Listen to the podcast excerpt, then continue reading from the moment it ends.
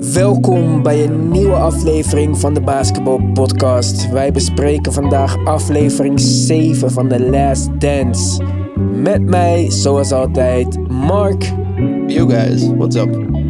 en Nick. Yo guys. Ja, jongens, weer maandag. Twee nieuwe afleveringen. Hebben jullie genoten of niet? Altijd. Elke keer uh, altijd weer een uurtje dat voorbij vliegt. Uh, kijk er elke week weer naar uit. Ja, hij, hij maakt echt de, de coronaperiode draaglijker om uh, door elke week ja, wat uit te brengen. Zeker leuk. Ik ging vanochtend golven en ik ging zo ja, onder de grenzen ging ik wel terugrijden om om 9 uur precies te beginnen kijken. Nou, mooi. Dan uh, duiken we er maar gelijk in, uh, zonder het uh, al te veel uit te rekken.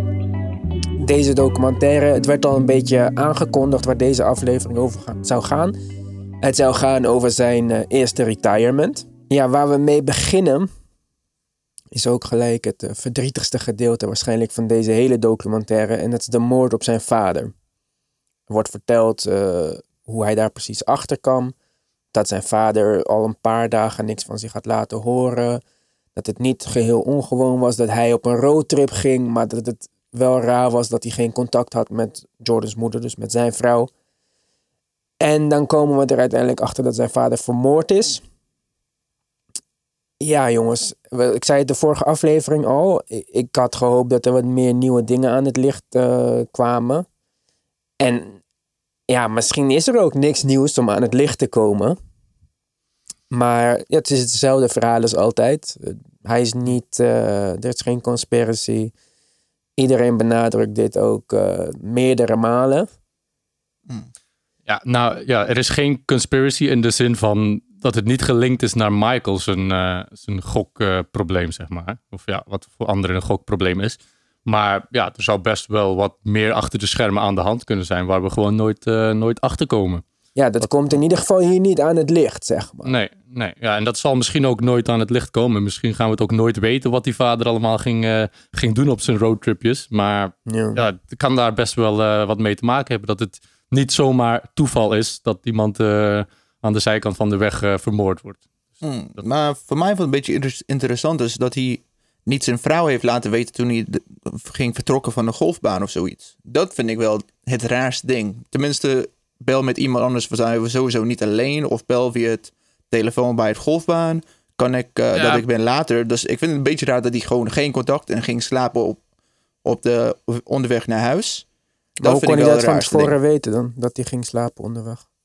Ja, maar dat, daarom zei zijn vrouw zei, ja, ze hadden altijd contact. Maakte niet uit wat. Dus dat vond ik wel een beetje raar. Ja, dus dat, inderdaad, het roept wel een, een beetje vragen op. Uh, dus ja, wie weet met wat voor figuren ging hij uh, golftripjes doen uh, achter de schermen. Dus hm. ik sluit niet uit dat dat er mee te maken had. Ja. Hm. Het blijft leuk om dat dan allemaal te koppelen naar MJ zelf. Maar dat, dat hebben ze vandaag wel een beetje van de tafel geveegd. Meerdere ja. malen. Het was duidelijk ja. dat de, de invalshoek van de documentairemaker was om alle conspiracies rondom Jordan of een link met gokschulden of de maffia, zoals wij al jaren op de ja, internet onderwereld forums kunnen lezen. Ja, ja die, werden allemaal ontkracht. Het, was, uh, het had, niks met Michael Jordan te maken. David Stern komt in beeld zegt: Nee, ik heb hem niet voor 18 maanden geschorst. Hè? Een van de uh, meest bekende conspiracy-theorieën is dat David Stern hem geschorst zou hebben. En het soort van opgelost achter de schermen van ga maar eventjes twee jaar weg en dan komt het allemaal goed. Nou, dat is, daar is dus allemaal niks van waar volgens deze aflevering. Ja, jongens, ja, ik heb geen bewijzen, dus dan is het maar wat het is. Uh, ja. ja, nee, ik vind het ook niet, niet ongeloofwaardig de redenen daarachter, zeg maar. Dus uh, ja, die gokschulden, dat, ze waren hem net aan het onderzoeken, dus het, het kwam allemaal mooi uit om dan even er uh, tussenuit te knijpen. Maar als je ziet wat hij allemaal heeft doorgemaakt in zijn carrière tot op dat punt. En, en zijn passie met de honkbal en zijn vader. Het lijken me allemaal wel logische logische beslissingen die hij genomen heeft. En hmm. ik, ik, zoek er eerlijk gezegd niet meer achter uh, dan dat. Ja, ja hmm. hij is moe. Uh, zijn vader overlijdt. Het feit dat zijn vader hem zijn laatste basketbalgame nog heeft zien spelen. Ja. Klinkt logisch. Ja. En, ook zijn, ja. zeg maar. zijn, laatste, zijn laatste gesprek met zijn vader ging er ook om. Ze waren ze aan het debatteren over hoe het zou zijn als, als MJ honkbal zou spelen. Dus dat is ook echt gek dat dat uh, het laatste gesprek is met zijn vader. Ja, voor mij is het is ook wel geloofwaardig. En ik zei het al in een van de voorgaande afleveringen. Het is altijd leuker om die conspiracy te geloven. Maar ja, misschien is het gewoon wat het is. En die druk waaronder hij stond en het level van prestatie wat hij maar elke keer moest halen. Ja, dat lijkt mij ook uh, ontzettend zwaar. Hmm. En, het was een super moeilijke league. Dat was een van de beste jaren van de league voor de expansion. En misschien was het ook werd een beetje te veel. Maar ik vind het wel raar. De meest uber-competitief persoon die we hebben ooit meegemaakt, kon het niet meer aan. Dus dat vond ik wel een beetje grappig. Dat gewoon van de een naar de andere. Ja, maar hij, hij krijgt niet alleen druk van de buitenwereld. Ik denk de druk die hij gewoon zichzelf oplegt, is nog, nog ja. groter dan, uh, dan de, de, buitenwereld kan hem denk ik gewoon gestolen zijn soms. Of gestolen worden. Maar ik denk gewoon, hij, elk jaar verwacht hij zoveel van zichzelf en hij gaat zo tot het uiterste. Je zag gewoon geen blijdschap meer in het laatste kampioenschap. Dat, dat sprak boekdelen, want hij, hij, zag er inderdaad, ze, ze, lieten het ook zien, maar het was zo duidelijk iemand die uitgeblust was, opgelucht en gewoon echt ja, zijn rust verdiend had, uh, om het zo te zeggen. Ja, want hm. echte, echte competitieve mensen zijn niet in competitie met iemand anders, die zijn in competitie met hunzelf. En voor jezelf is het nooit goed genoeg. Hij was de beste op de wereld en hij werkte nog steeds het hardste van iedereen. Dus ja, ik. Uh... Maar, maar, hij wou wel nog net bewijzen dat hij beter was dan Magic en uh, Bird. Door er toch drie ja, op rij te eventjes. En dat was dus geen stress voor hem. En dat uh, heeft hij gewoon gefixt. Ja, inderdaad. Drie op een rij. Iets wat Magic en Bird niet hebben gedaan. En Kobe na hun allemaal. Nogmaals. Goed. Hij gaat honkballen. Jerry Reinsdorf, deze dagen ook wel eens negatief in de media, zegt: Nou ja, blijf maar bij ons dan. Uh, ga maar voor de White Sox. Tenminste, niet voor de White Sox, want uh, dat, uh, dat niveau is in principe nog te hoog voor hem. Maar door het gebrek aan capaciteit voor media moet hij wel in het, in het main team beginnen. Krijgt hij ook zijn contract doorbetaald, wat hij al kreeg in de NBA. 3 miljoen, ja, dat klinkt echt super weinig. Maar dat was dus op zich best wel een big deal, want dat, dat zou hij niet verdienen als honkballer. Nee. Weer een nice touch van uh, een van de Jerry's, die uh, ja. alleen maar positief uit de bus komen voor mij in deze documentaires. Ja, we zien een stukje van zijn, uh, van zijn honkbalcarrière. Ik ben geen honkbalexpert, dus ik kan sowieso niet beoordelen wat zijn talent is op dat gebied. Of, of dat hij überhaupt kans maakte. In de documentaire wordt wel gezegd van als hij 1500 at-bats zou hebben geslagen, had hij de Major Leagues wel gehaald. Hij begint bij de Birmingham Barons. Hij begint zijn carrière goed met een 13-game hitting streak. Dan worden de fastballs veranderd in breaking balls. Om eerlijk te zeggen, ik heb geen idee wat een breaking ball is. Ja, curveball. Ja. Een curveball, oké. Dus nou, hij, dat... hij, ja, hij moest iets voorzichtiger zijn en niet zomaar overal op losslaan. En dat bleek... Uh... Ja, dat bleek lastig. Maar hij was dan ook uh, ja, playing catch-up, zoals ze zeggen. Want vanaf zijn 17e tot zijn 31ste heeft hij niet gehonkbald. Dit is natuurlijk al bizar, hè? Dat je gewoon een professionele sport gaat doen terwijl je dat 14 jaar niet hebt gedaan. Dat, eigenlijk is dat niet, uh, niet realistisch. Ja. Nee, nee, inderdaad. En bij basketbal zou het ook gewoon ondenkbaar zijn dat, dat zoiets gebeurt. Zelfs al ja. als, je niks, als je niks bewezen hebt, een goede American football speler zou, ja, het zou misschien wel kunnen, maar dus ze zouden echt uh, geen vertrouwen geven in jou. En uh, dat is ja, toch ik heb 14 jaar niet gebasketbald. Zet mij nu in een amateurcompetitie. Ik ben de slechtste op het veld. Amateur. Ja. Hm. ja. Dus uh, ja, ik, uh, ik was verbaasd eigenlijk over dat er toch nog wel een soort van positief uh, sausje overheen zat. Want hm. wat, wat ik me herinnerde in ieder geval van wat ik uit die tijd heb meegemaakt, is wat, dat het toch een mislukking was, zijn honkbalcarrière. Hier, is, hier wordt toch gezegd dat er nog een soort van potentie is. Hm. Trainers zeggen ook, zijn work ethic was the best ever. Dus dit is een universeel Michael Jordan iets. Mm. Of je nou basketbal of honkbal, volle 100%. Jammer dat dat dan met general manager gedoe blijkbaar geen uh, resultaten oplevert. ja. Goed, hij werd dus beter en beter.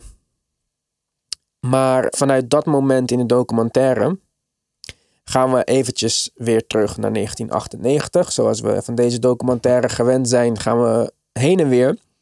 En krijgen we een stukje te zien van de training Michael Jordan.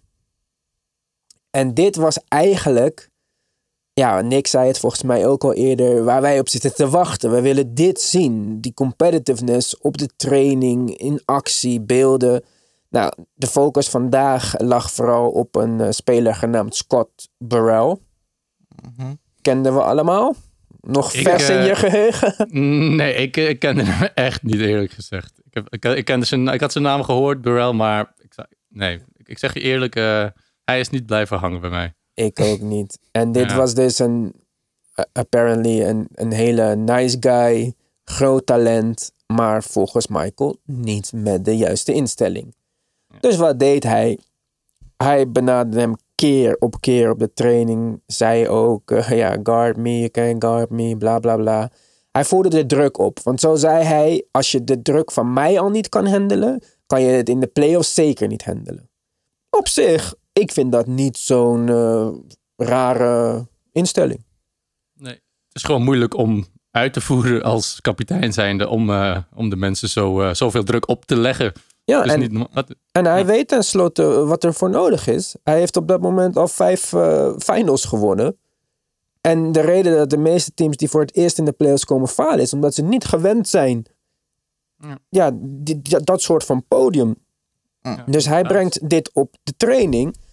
En die mensen, ja, ik vind het een beetje, e-, eerlijk gezegd, ik vind het een beetje zwak allemaal hoor. Als er een vijftime kampioen tegen mij is die schreeuwt met de gedachte erachter dat hij dus wel iets ziet in mij, ik zou heel blij zijn. Ja, maar misschien zag hij in sommigen ook niks en deed hij het gewoon om, om ze toch sterker te maken. Maar het is echt niet voor iedereen weg. Uh, het is echt niet voor iedereen uh, de beste aanpak, zeg maar. Ja, en dat zijn dan de losers. Ja, nee, klopt inderdaad. En zolang MJ het voortouw neemt en toont hoe het moet, wat hij ook altijd keer op keer gedaan heeft, dan is het, dan is het prima. Maar uh, ja, die andere jongens, die gaan nooit uh, die mentaliteit echt overnemen, zeg maar. Het is niet dat ze thuis nu uh, tegen hun kinderen gaan schreeuwen omdat ze doorhebben van zo moet het en dat is het meest effectief. Maar, ja. ja. maar Dennis Rodman had er blijkbaar geen problemen mee. Ik heb hem nog nee. geen één keer horen zeggen dat, dat hij vond dat het too much was. Nee, zeker niet. En ook Scottie Pippen niet. Nee, ja. en ook Steve Kerr niet. Ja, ja, ja, zij besefte inderdaad. Steve Kerr is ook een is niet van, van nature die tough guy. Dus zij hebben dat inderdaad een beetje nodig. Iemand die, die gewoon ja, die toughness brengt. Want dat, ja, als je in hetzelfde team speelt, dan uh, sta je toch samen sterker achter iemand, achter een leider die wel zo'n uh, bully is, zeg maar. Ja. Dus ja, ze weten, als je dat beseft, dan uh, kan je dat gewoon allemaal slikken. En die Scott Burrell, die, die, die besefte eigenlijk ook, denk ik, perfect waarom MJ dat allemaal deed. En, maar hij ging er iets minder serieus mee om. Maar ja, ja op zich. Uh... En je ziet ook die, die Jeff, Judd Buchler, hoe je fuck je het ook uitspreekt. Die zit er nog steeds een beetje mee. Ja. Maar Will Perdue zei ook, uh, nadat de tijd voorbij is gegaan, en denk ik eraan terug en denk van ja, hij was eigenlijk juist wel een goede teammate. Ja, jammer ja. dat je dat zoveel jaar later moet beseffen, maar ja, mm -hmm. ik, had er, ik had totaal geen probleem mee. Ik vond het niet too much. Ik, uh, ik denk dat ik prima zou kunnen opschieten met hem. Ja. Ik zou het super leuk vinden als ik zou spelen met de beste aller tijden in iets. En uh, mij ja. kon elevaten naar zijn uh, ja. level. Ik, ik zelf zou het niet leuk vinden om met hem. Ik denk dat ik een beetje de Scott Burrell uh, aanpak. Ik zou het niet leuk. Ik zou het leuker vinden om iemand die. om een Scotty als leider te hebben. Maar ik zou ook wel weten dat. Ja, als je MJ hebt als leider, dan kom je gewoon veel verder. Dus dat is. Mm. Ja. Ik weet niet, Mark, hoe ben jij hoe sta jij erover tegenover? Ja, het is een means to an end. Dus je weet, je gaat naar de finales bereiken. Dus dat is super top. Maar het is ook, we hebben niet zoveel van wat hij precies zegt. We zagen gewoon een beetje van die cup, van die sand bovenaan. Misschien zegt hij veel dingen over je moeder, over je achtergrond, over allemaal van die dingen. En sommige dingen zijn gewoon af en toe te ver. Ja, en yeah. ja, je moet gewoon, we hebben gewoon niet gezien precies. Misschien zei je ook dingen terwijl je op de bus waren, gewoon terwijl je in de vliegtuig waren, gewoon de hele tijd. Ja. Als je 24 uur per dag voor negen maanden elke dag dezelfde dingen moet horen, kan het wel een beetje heftig worden. Maar ja. beter je best doen. ja, maar ja. kijk, niemand kan wat zeggen tegen Michael. Dus let, Michael kan letterlijk Mm. zeggen wat hij wil ook. Ja, En maar hij dat heeft hij dat zo. bereikt, toch? Ja, ik, Ja, ja, klopt, sorry. klopt. Ik, eh, Ja. ik heb echt niks met losing mentalities. En eh, Ja. dit is niet... eh, je speelt in de NBA. Je bent... Deel, je maakt deel uit van letterlijk history in the making. Ja, klopt. Elke, elke milli, mini procent onder 100 procent die je kan geven... Maakt, mij, maakt jou voor mij een loser. Ja. En als, hij, als MJ die mentaliteit niet had gehad, dan hadden ze zo vaak niet, eh, niet gewonnen. Dat is echt, dat is gewoon zeker. Ja, Er zijn- Er zijn verschillende leiderschapstijlen, maar met sommige leiderschapstijlen kom je gewoon, heb je gewoon meer kans op, eh, op slagen. En eh, daar, valt, daar valt gewoon niet over te discussiëren in dit geval. Ja, je zei het net al, andere spelers hebben een andere aanpak. In de documentaire zie je ook het seizoen eh, 1994. Waarin wordt gezegd, nou, de triangle wordt ingevoerd. Hè? Veel kritiek op de triangle, werkt niet zonder Michael. Veel eh, doet het wel. En het werkt eigenlijk fantastisch met als beste speler Scottie Pippen. Die geen scorer is, maar juist een eh baser. En wordt ook gezegd, Scott die had een softer touch. Die kwam je omhelzen, die kwam je oppikken van de floor. Een hele andere stijl van leiderschap. Team speelde fantastisch, maakte mij heel erg nieuwsgierig. Dat ik dacht van oké, dus eigenlijk als we een goed beeld willen van de triangle en hoe mooi dit kan zijn, dan moeten we dus het 1994 seizoen eh, gaan terugkijken. Nou, eh, kleine Google-opdracht eh, liet zien dat dit vrijwel onmogelijk is. Dus dat is eh, heel jammer. Want dat leek mij. Ik dacht echt, wauw, dat ga ik terugkijken. Want ik wil het wel eens een keertje echt in, in actie zien. Ja. Maar goed, ze delen dus de bal en alles, bla bla bla. Het is zo leuk, gezellig, harmonie. Ja. En ehm, ze komen ook nog zelfs best wel ver in de playoffs. En dan komt er een moment waar, weer, waar we weer ja, geconfronteerd worden met het eh, karakter van Scottie Pippen. Die tot nu toe, zoals wij ook al eerder besproken hebben, als het gaat om zeuren over geld en zo, niet altijd ja, even sympathiek uit de hoek komt. Het gaat om een moment dat er een laatste schot moet worden genomen. Phil, eh, Phil Jackson tekent een play voor Tony Kukoc. Zoals dat al vaker in het seizoen getekend is. Het heeft gewerkt. Hij neemt het laatste schot. Tony is een goede schutter. En ehm Scotty is het er niet mee eens.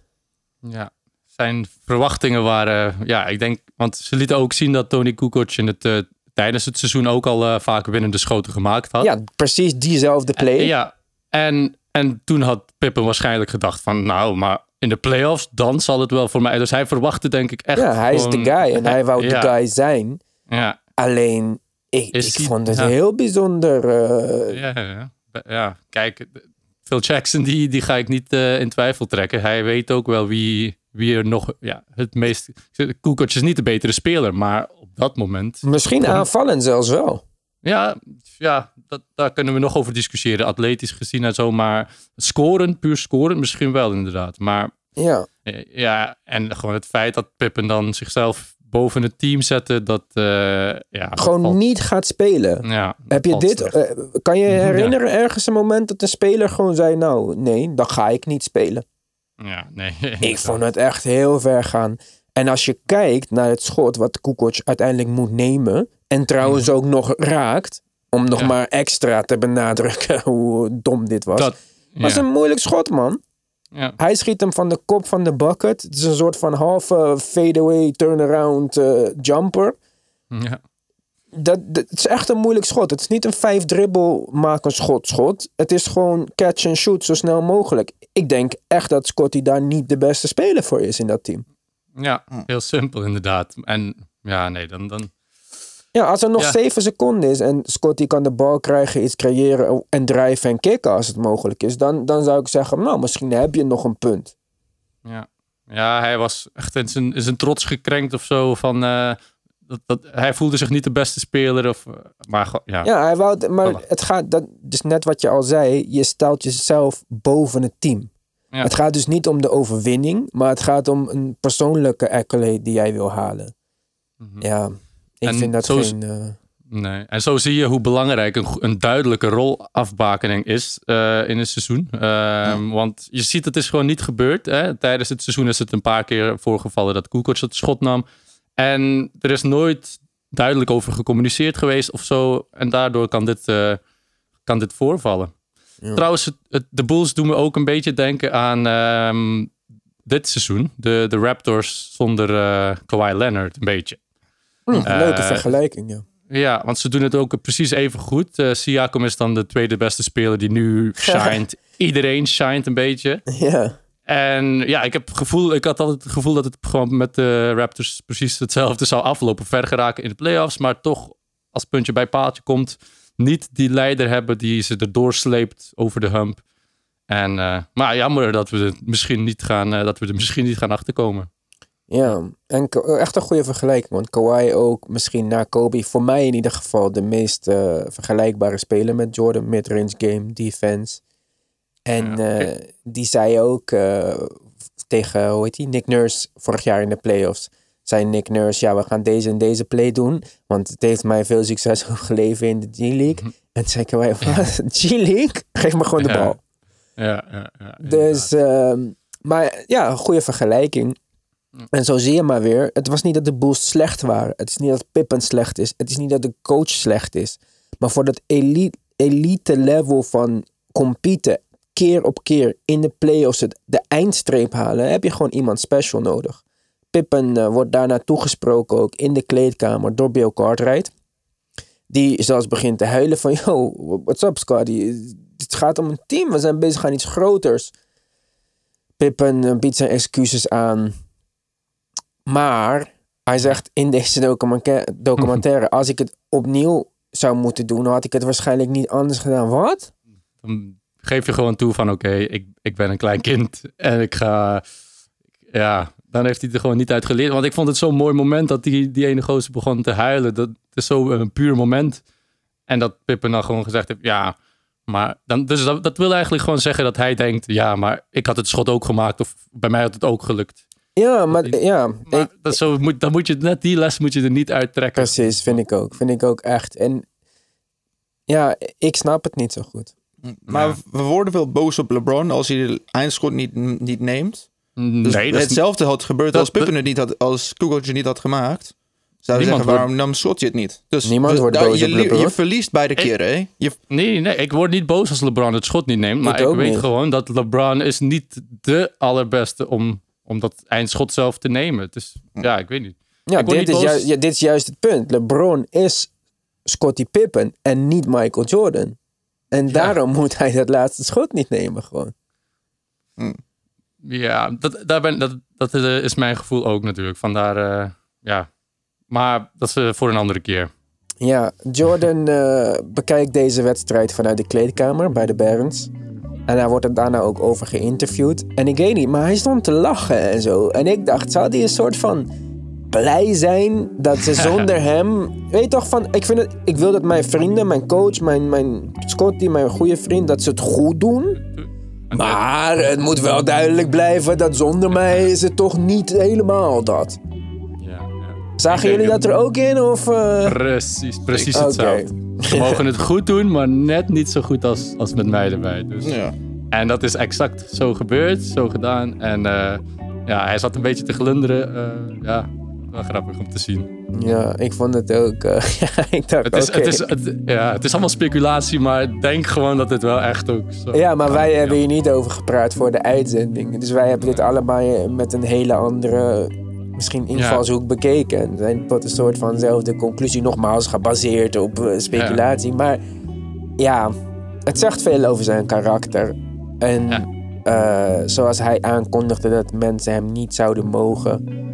Ik weet niet, voor mij is er echt eh, niks veranderd. Ik vind het nog leuker eigenlijk. Ja, ja inderdaad. Nou, het beeld is gewoon eh, hetzelfde. Gewoon. Hij, hij wil de beste zijn, hij wil winnen. Hij denkt aan zichzelf. En de rest, eh, ja, de rest maakt niet uit. Dus ik vond het een leuke aflevering wel weer. Ik ook. Maar het einde is iets wat ik niet zo goed begreep. Dus misschien kunnen jullie mij daarbij helpen. Dus hij zegt op een gegeven moment: eh, la la la la la. Ik was zo en zo. En dan begint hij een zin en hij zegt: If you don't want to play that way. En hij begint te huilen en hij zegt: Kat, ik snap niet. eh, ik, ik snap het even niet. Waar- waarom is hij nu verdrietig? Ik denk gewoon om, omdat hij die mensen misschien soms onnodig ietsje te hard gekwetst heeft. En dat hij denkt van, oké, misschien als ik het. Ik weet het niet, hè? Dacht je Maar dat? Ik dacht dat ik het ging over dat ze hem niet begrepen of zo. Nou, ik dacht van, shit, ik ben echt wel eh, fucking klootzak geweest soms. Ja? Eh, misschien, ik weet het niet. Ik zou het nog een keertje opnieuw moeten bekijken. Maar ik dacht dat er zo'n emotie was van, eh, even, even break. Want wat, wat zei hij nu weer precies? Ja, if, If- you don't want to play that way. En toen ging hij huilen zo. En Ja, of, toen dus- ik cut. En ik snap, ik snap het niet. Mark, wat was jouw gedachte daarover? Ik dacht misschien proberen ze hem een soort van menselijk neer te zetten. Hebben ze gewoon maar ergens een heel momentje eruit geknipt en erin geplakt. En nu ga je huilen. Ja, Je zag een beetje van beide kanten van... eh, je zag allemaal van de video's toen hij aan het trainen was. Gewoon alles wat hij moest meemaken. Alle wedstrijd tegen de Pistons. De hele, hele tijd. En nog steeds had hij moeite. Want mensen begrepen hem nog steeds niet. Dus ik dacht, hij had het in die moment heel moeilijk. Want nog pas 20 jaar later begrijpt hij. Begrijpen mensen hem echt. En hij wordt pas echt gewaardeerd voor ze als een teammate. Dus je zag met Paul Carter en die soort dingen. Toen ze zeiden wel. Ja, looking back. I understand, like, he was actually a better teammate. Maar in die tijd kreeg hij zoveel shit dat hij een slechte teammate was. hij moet mij bellen. We zouden hele goede Ja. vrienden zijn. Ik heb totaal geen problemen met al die hoge eisen die hij stelt aan de mensen om hem heen. Ja, ik, ben, ik ben echt wel heel benieuwd nu. Ik ga het sowieso nog een keertje opnieuw bekijken. En dan ga ik ook weer het internet eh, afschuimen naar eh, mogelijke, mogelijke verklaringen. Maar ja, dit is best wel interessant waarom die eh, op dat moment zo emotioneel was. Ik dacht, eh, voor alle mensen die hij letterlijk gebroken heeft voor de rest van hun leven. Ja. toch ergens een beetje... Spijt niet, maar gewoon dat hij Ja. voor, die, voor die mensen sneu vond of zo. Maar Zou Wel, kunnen, maar ja. dat was niet wat ik daarin in, in Ja, zag ja. op dat moment. Wel grappig, wel grappig, ze hebben Horace Grant niet gevraagd hoe hij was als teammate. ja, dat vond ik nee. toch wel, alleen zijn beste vrienden, gewoon Bill Cartwright, die soort dingen die hij goed mee omging, hebben ze Ja. echt eh, gevraagd hoe hij was als Ja. een teammate. Hey, dat, vind Ja. ik, dat is echt een Ja. Jordan-productie, dan weet je, Dat het, is, dan weet je ja, het. inderdaad, Ja. inderdaad. Maar het is Dus, echt eh, een Jordan-productie. ja. Want het is, Oh, ja. het, het is echt eh, heel erg ja, gefocust op hoe hij wil dat het Ja. voor, de, voor de dag komt. Het is niet erg. En ik besefte hem ook, want ik, ik praatte met iemand die, die zat tegelijkertijd met mij die aflevering te kijken. En die zei, ja, ik vind het eigenlijk heel leuk, heel mooi en zo. En ik zei, ja, ik niet echt, want alles wat ik al eh, weet, Ja. zie ik nogmaals. En wat Hm. ik wil weten, daar gaan we meestal, in, in de meeste gevallen, heel vluchtig doorheen. Ja. Maar ik ja, zou een documentaire willen zien gemaakt door iemand die hem eh, die het niet zo goed met eh, Jordan heeft, zeg maar. Ja, Dus, of, een, of een documentaire gemaakt voor bovengemiddelde fans. Ik zou niet zeggen dat wij experts zijn of zo, want dat zou een beetje arrogant zijn, maar wij zijn ook niet gemiddelde basketbalfans. En deze documentaire komt op Netflix. Ik zat gisteravond met een vriend van mij aan de telefoon en zijn vriendin was het aan het kijken. Dus voor hun is, zijn die dingen niet zo interessant om het over de triangle te hebben of over de training misschien. Die willen toch meer een globaal verhaal weten. En die kennen al die momenten die wij kennen nog niet. nee. Maar ik, ik hoop dat er een soort van eh, Michael Jordan The Last Dance behind the scenes komt of zo. Voor, voor de, echte, de echte superfans. Gewoon uren saaie beelden voor andere mensen, maar waar wij naar kunnen kijken met een... Ja, Ja. Ja, inderdaad. Want ik heb ook de voorlaatste aflevering dan nu ook gekeken met een vriend eh, vorige week. ja. En hij wist, hij wist niet eens hoe het laatste seizoen zou aflopen. Dus hij, ja precies. Hij, hij wist niet. eh, Dus, ik, dus dan denk ik ook van, oh jezus, ik zit er wel heel anders in dan de gemiddelde sport van Netflix van die eh, fan. Ja, maar dat, dat denk ik ook. Daarom zeg ik ook van... Elke keer als ik kritiek heb, dan denk ik ook bij mezelf van... Ja, maar dat is wel echt super vanuit mijn positie bekeken. Maar goed, ja. Het was eh, op zich vond ik het wel een leuke aflevering. Niet de beste, maar zeker niet de slechtste. Hmm. Eh, er is er nog één uitgekomen. Die gaan wij aankomende woensdag weer bespreken. Ja, nog even geduld eh, en weer eh, een uurtje om naar uit te kijken. Ja, in de tussentijd kunnen jullie naar onze Instagram gaan. Voor alle laatste nieuwtjes, weetjes en al dat soort onzin. Dat kan op. At de basketbalpodcast. En je kunt naar onze Facebook gaan. Hè? Stel ons een vraag. Doe wat leuks. Ik weet niet precies waar we nou weer wel en niet polls kunnen maken. Maar op een van die plekken komt het wel. Inderdaad. Op Facebook kun je ons ook vinden op dezelfde naam, de Basketbal Podcast. Ja, en jongens, als jullie eh, tijd en zin hebben, Laat dan even een review voor ons achter bij Apple Podcast. Vijf sterren zou natuurlijk ook heel erg leuk zijn. Het helpt ons weer om te groeien. En uh, daarvoor zouden wij jullie heel dankbaar zijn. Dus vijf star review zou ons... Deel met je vrienden. Ja, deel het met je vrienden, zeker. Iedereen die je kent, uh, die de documentaire volgt, kan naar deze podcast luisteren. Dus voor zover uh, sluiten we deze aflevering af. Woensdag zijn wij er weer. In de tussentijd wil ik jullie veel kijkplezier wensen. En tot dan. Later guys. Yo.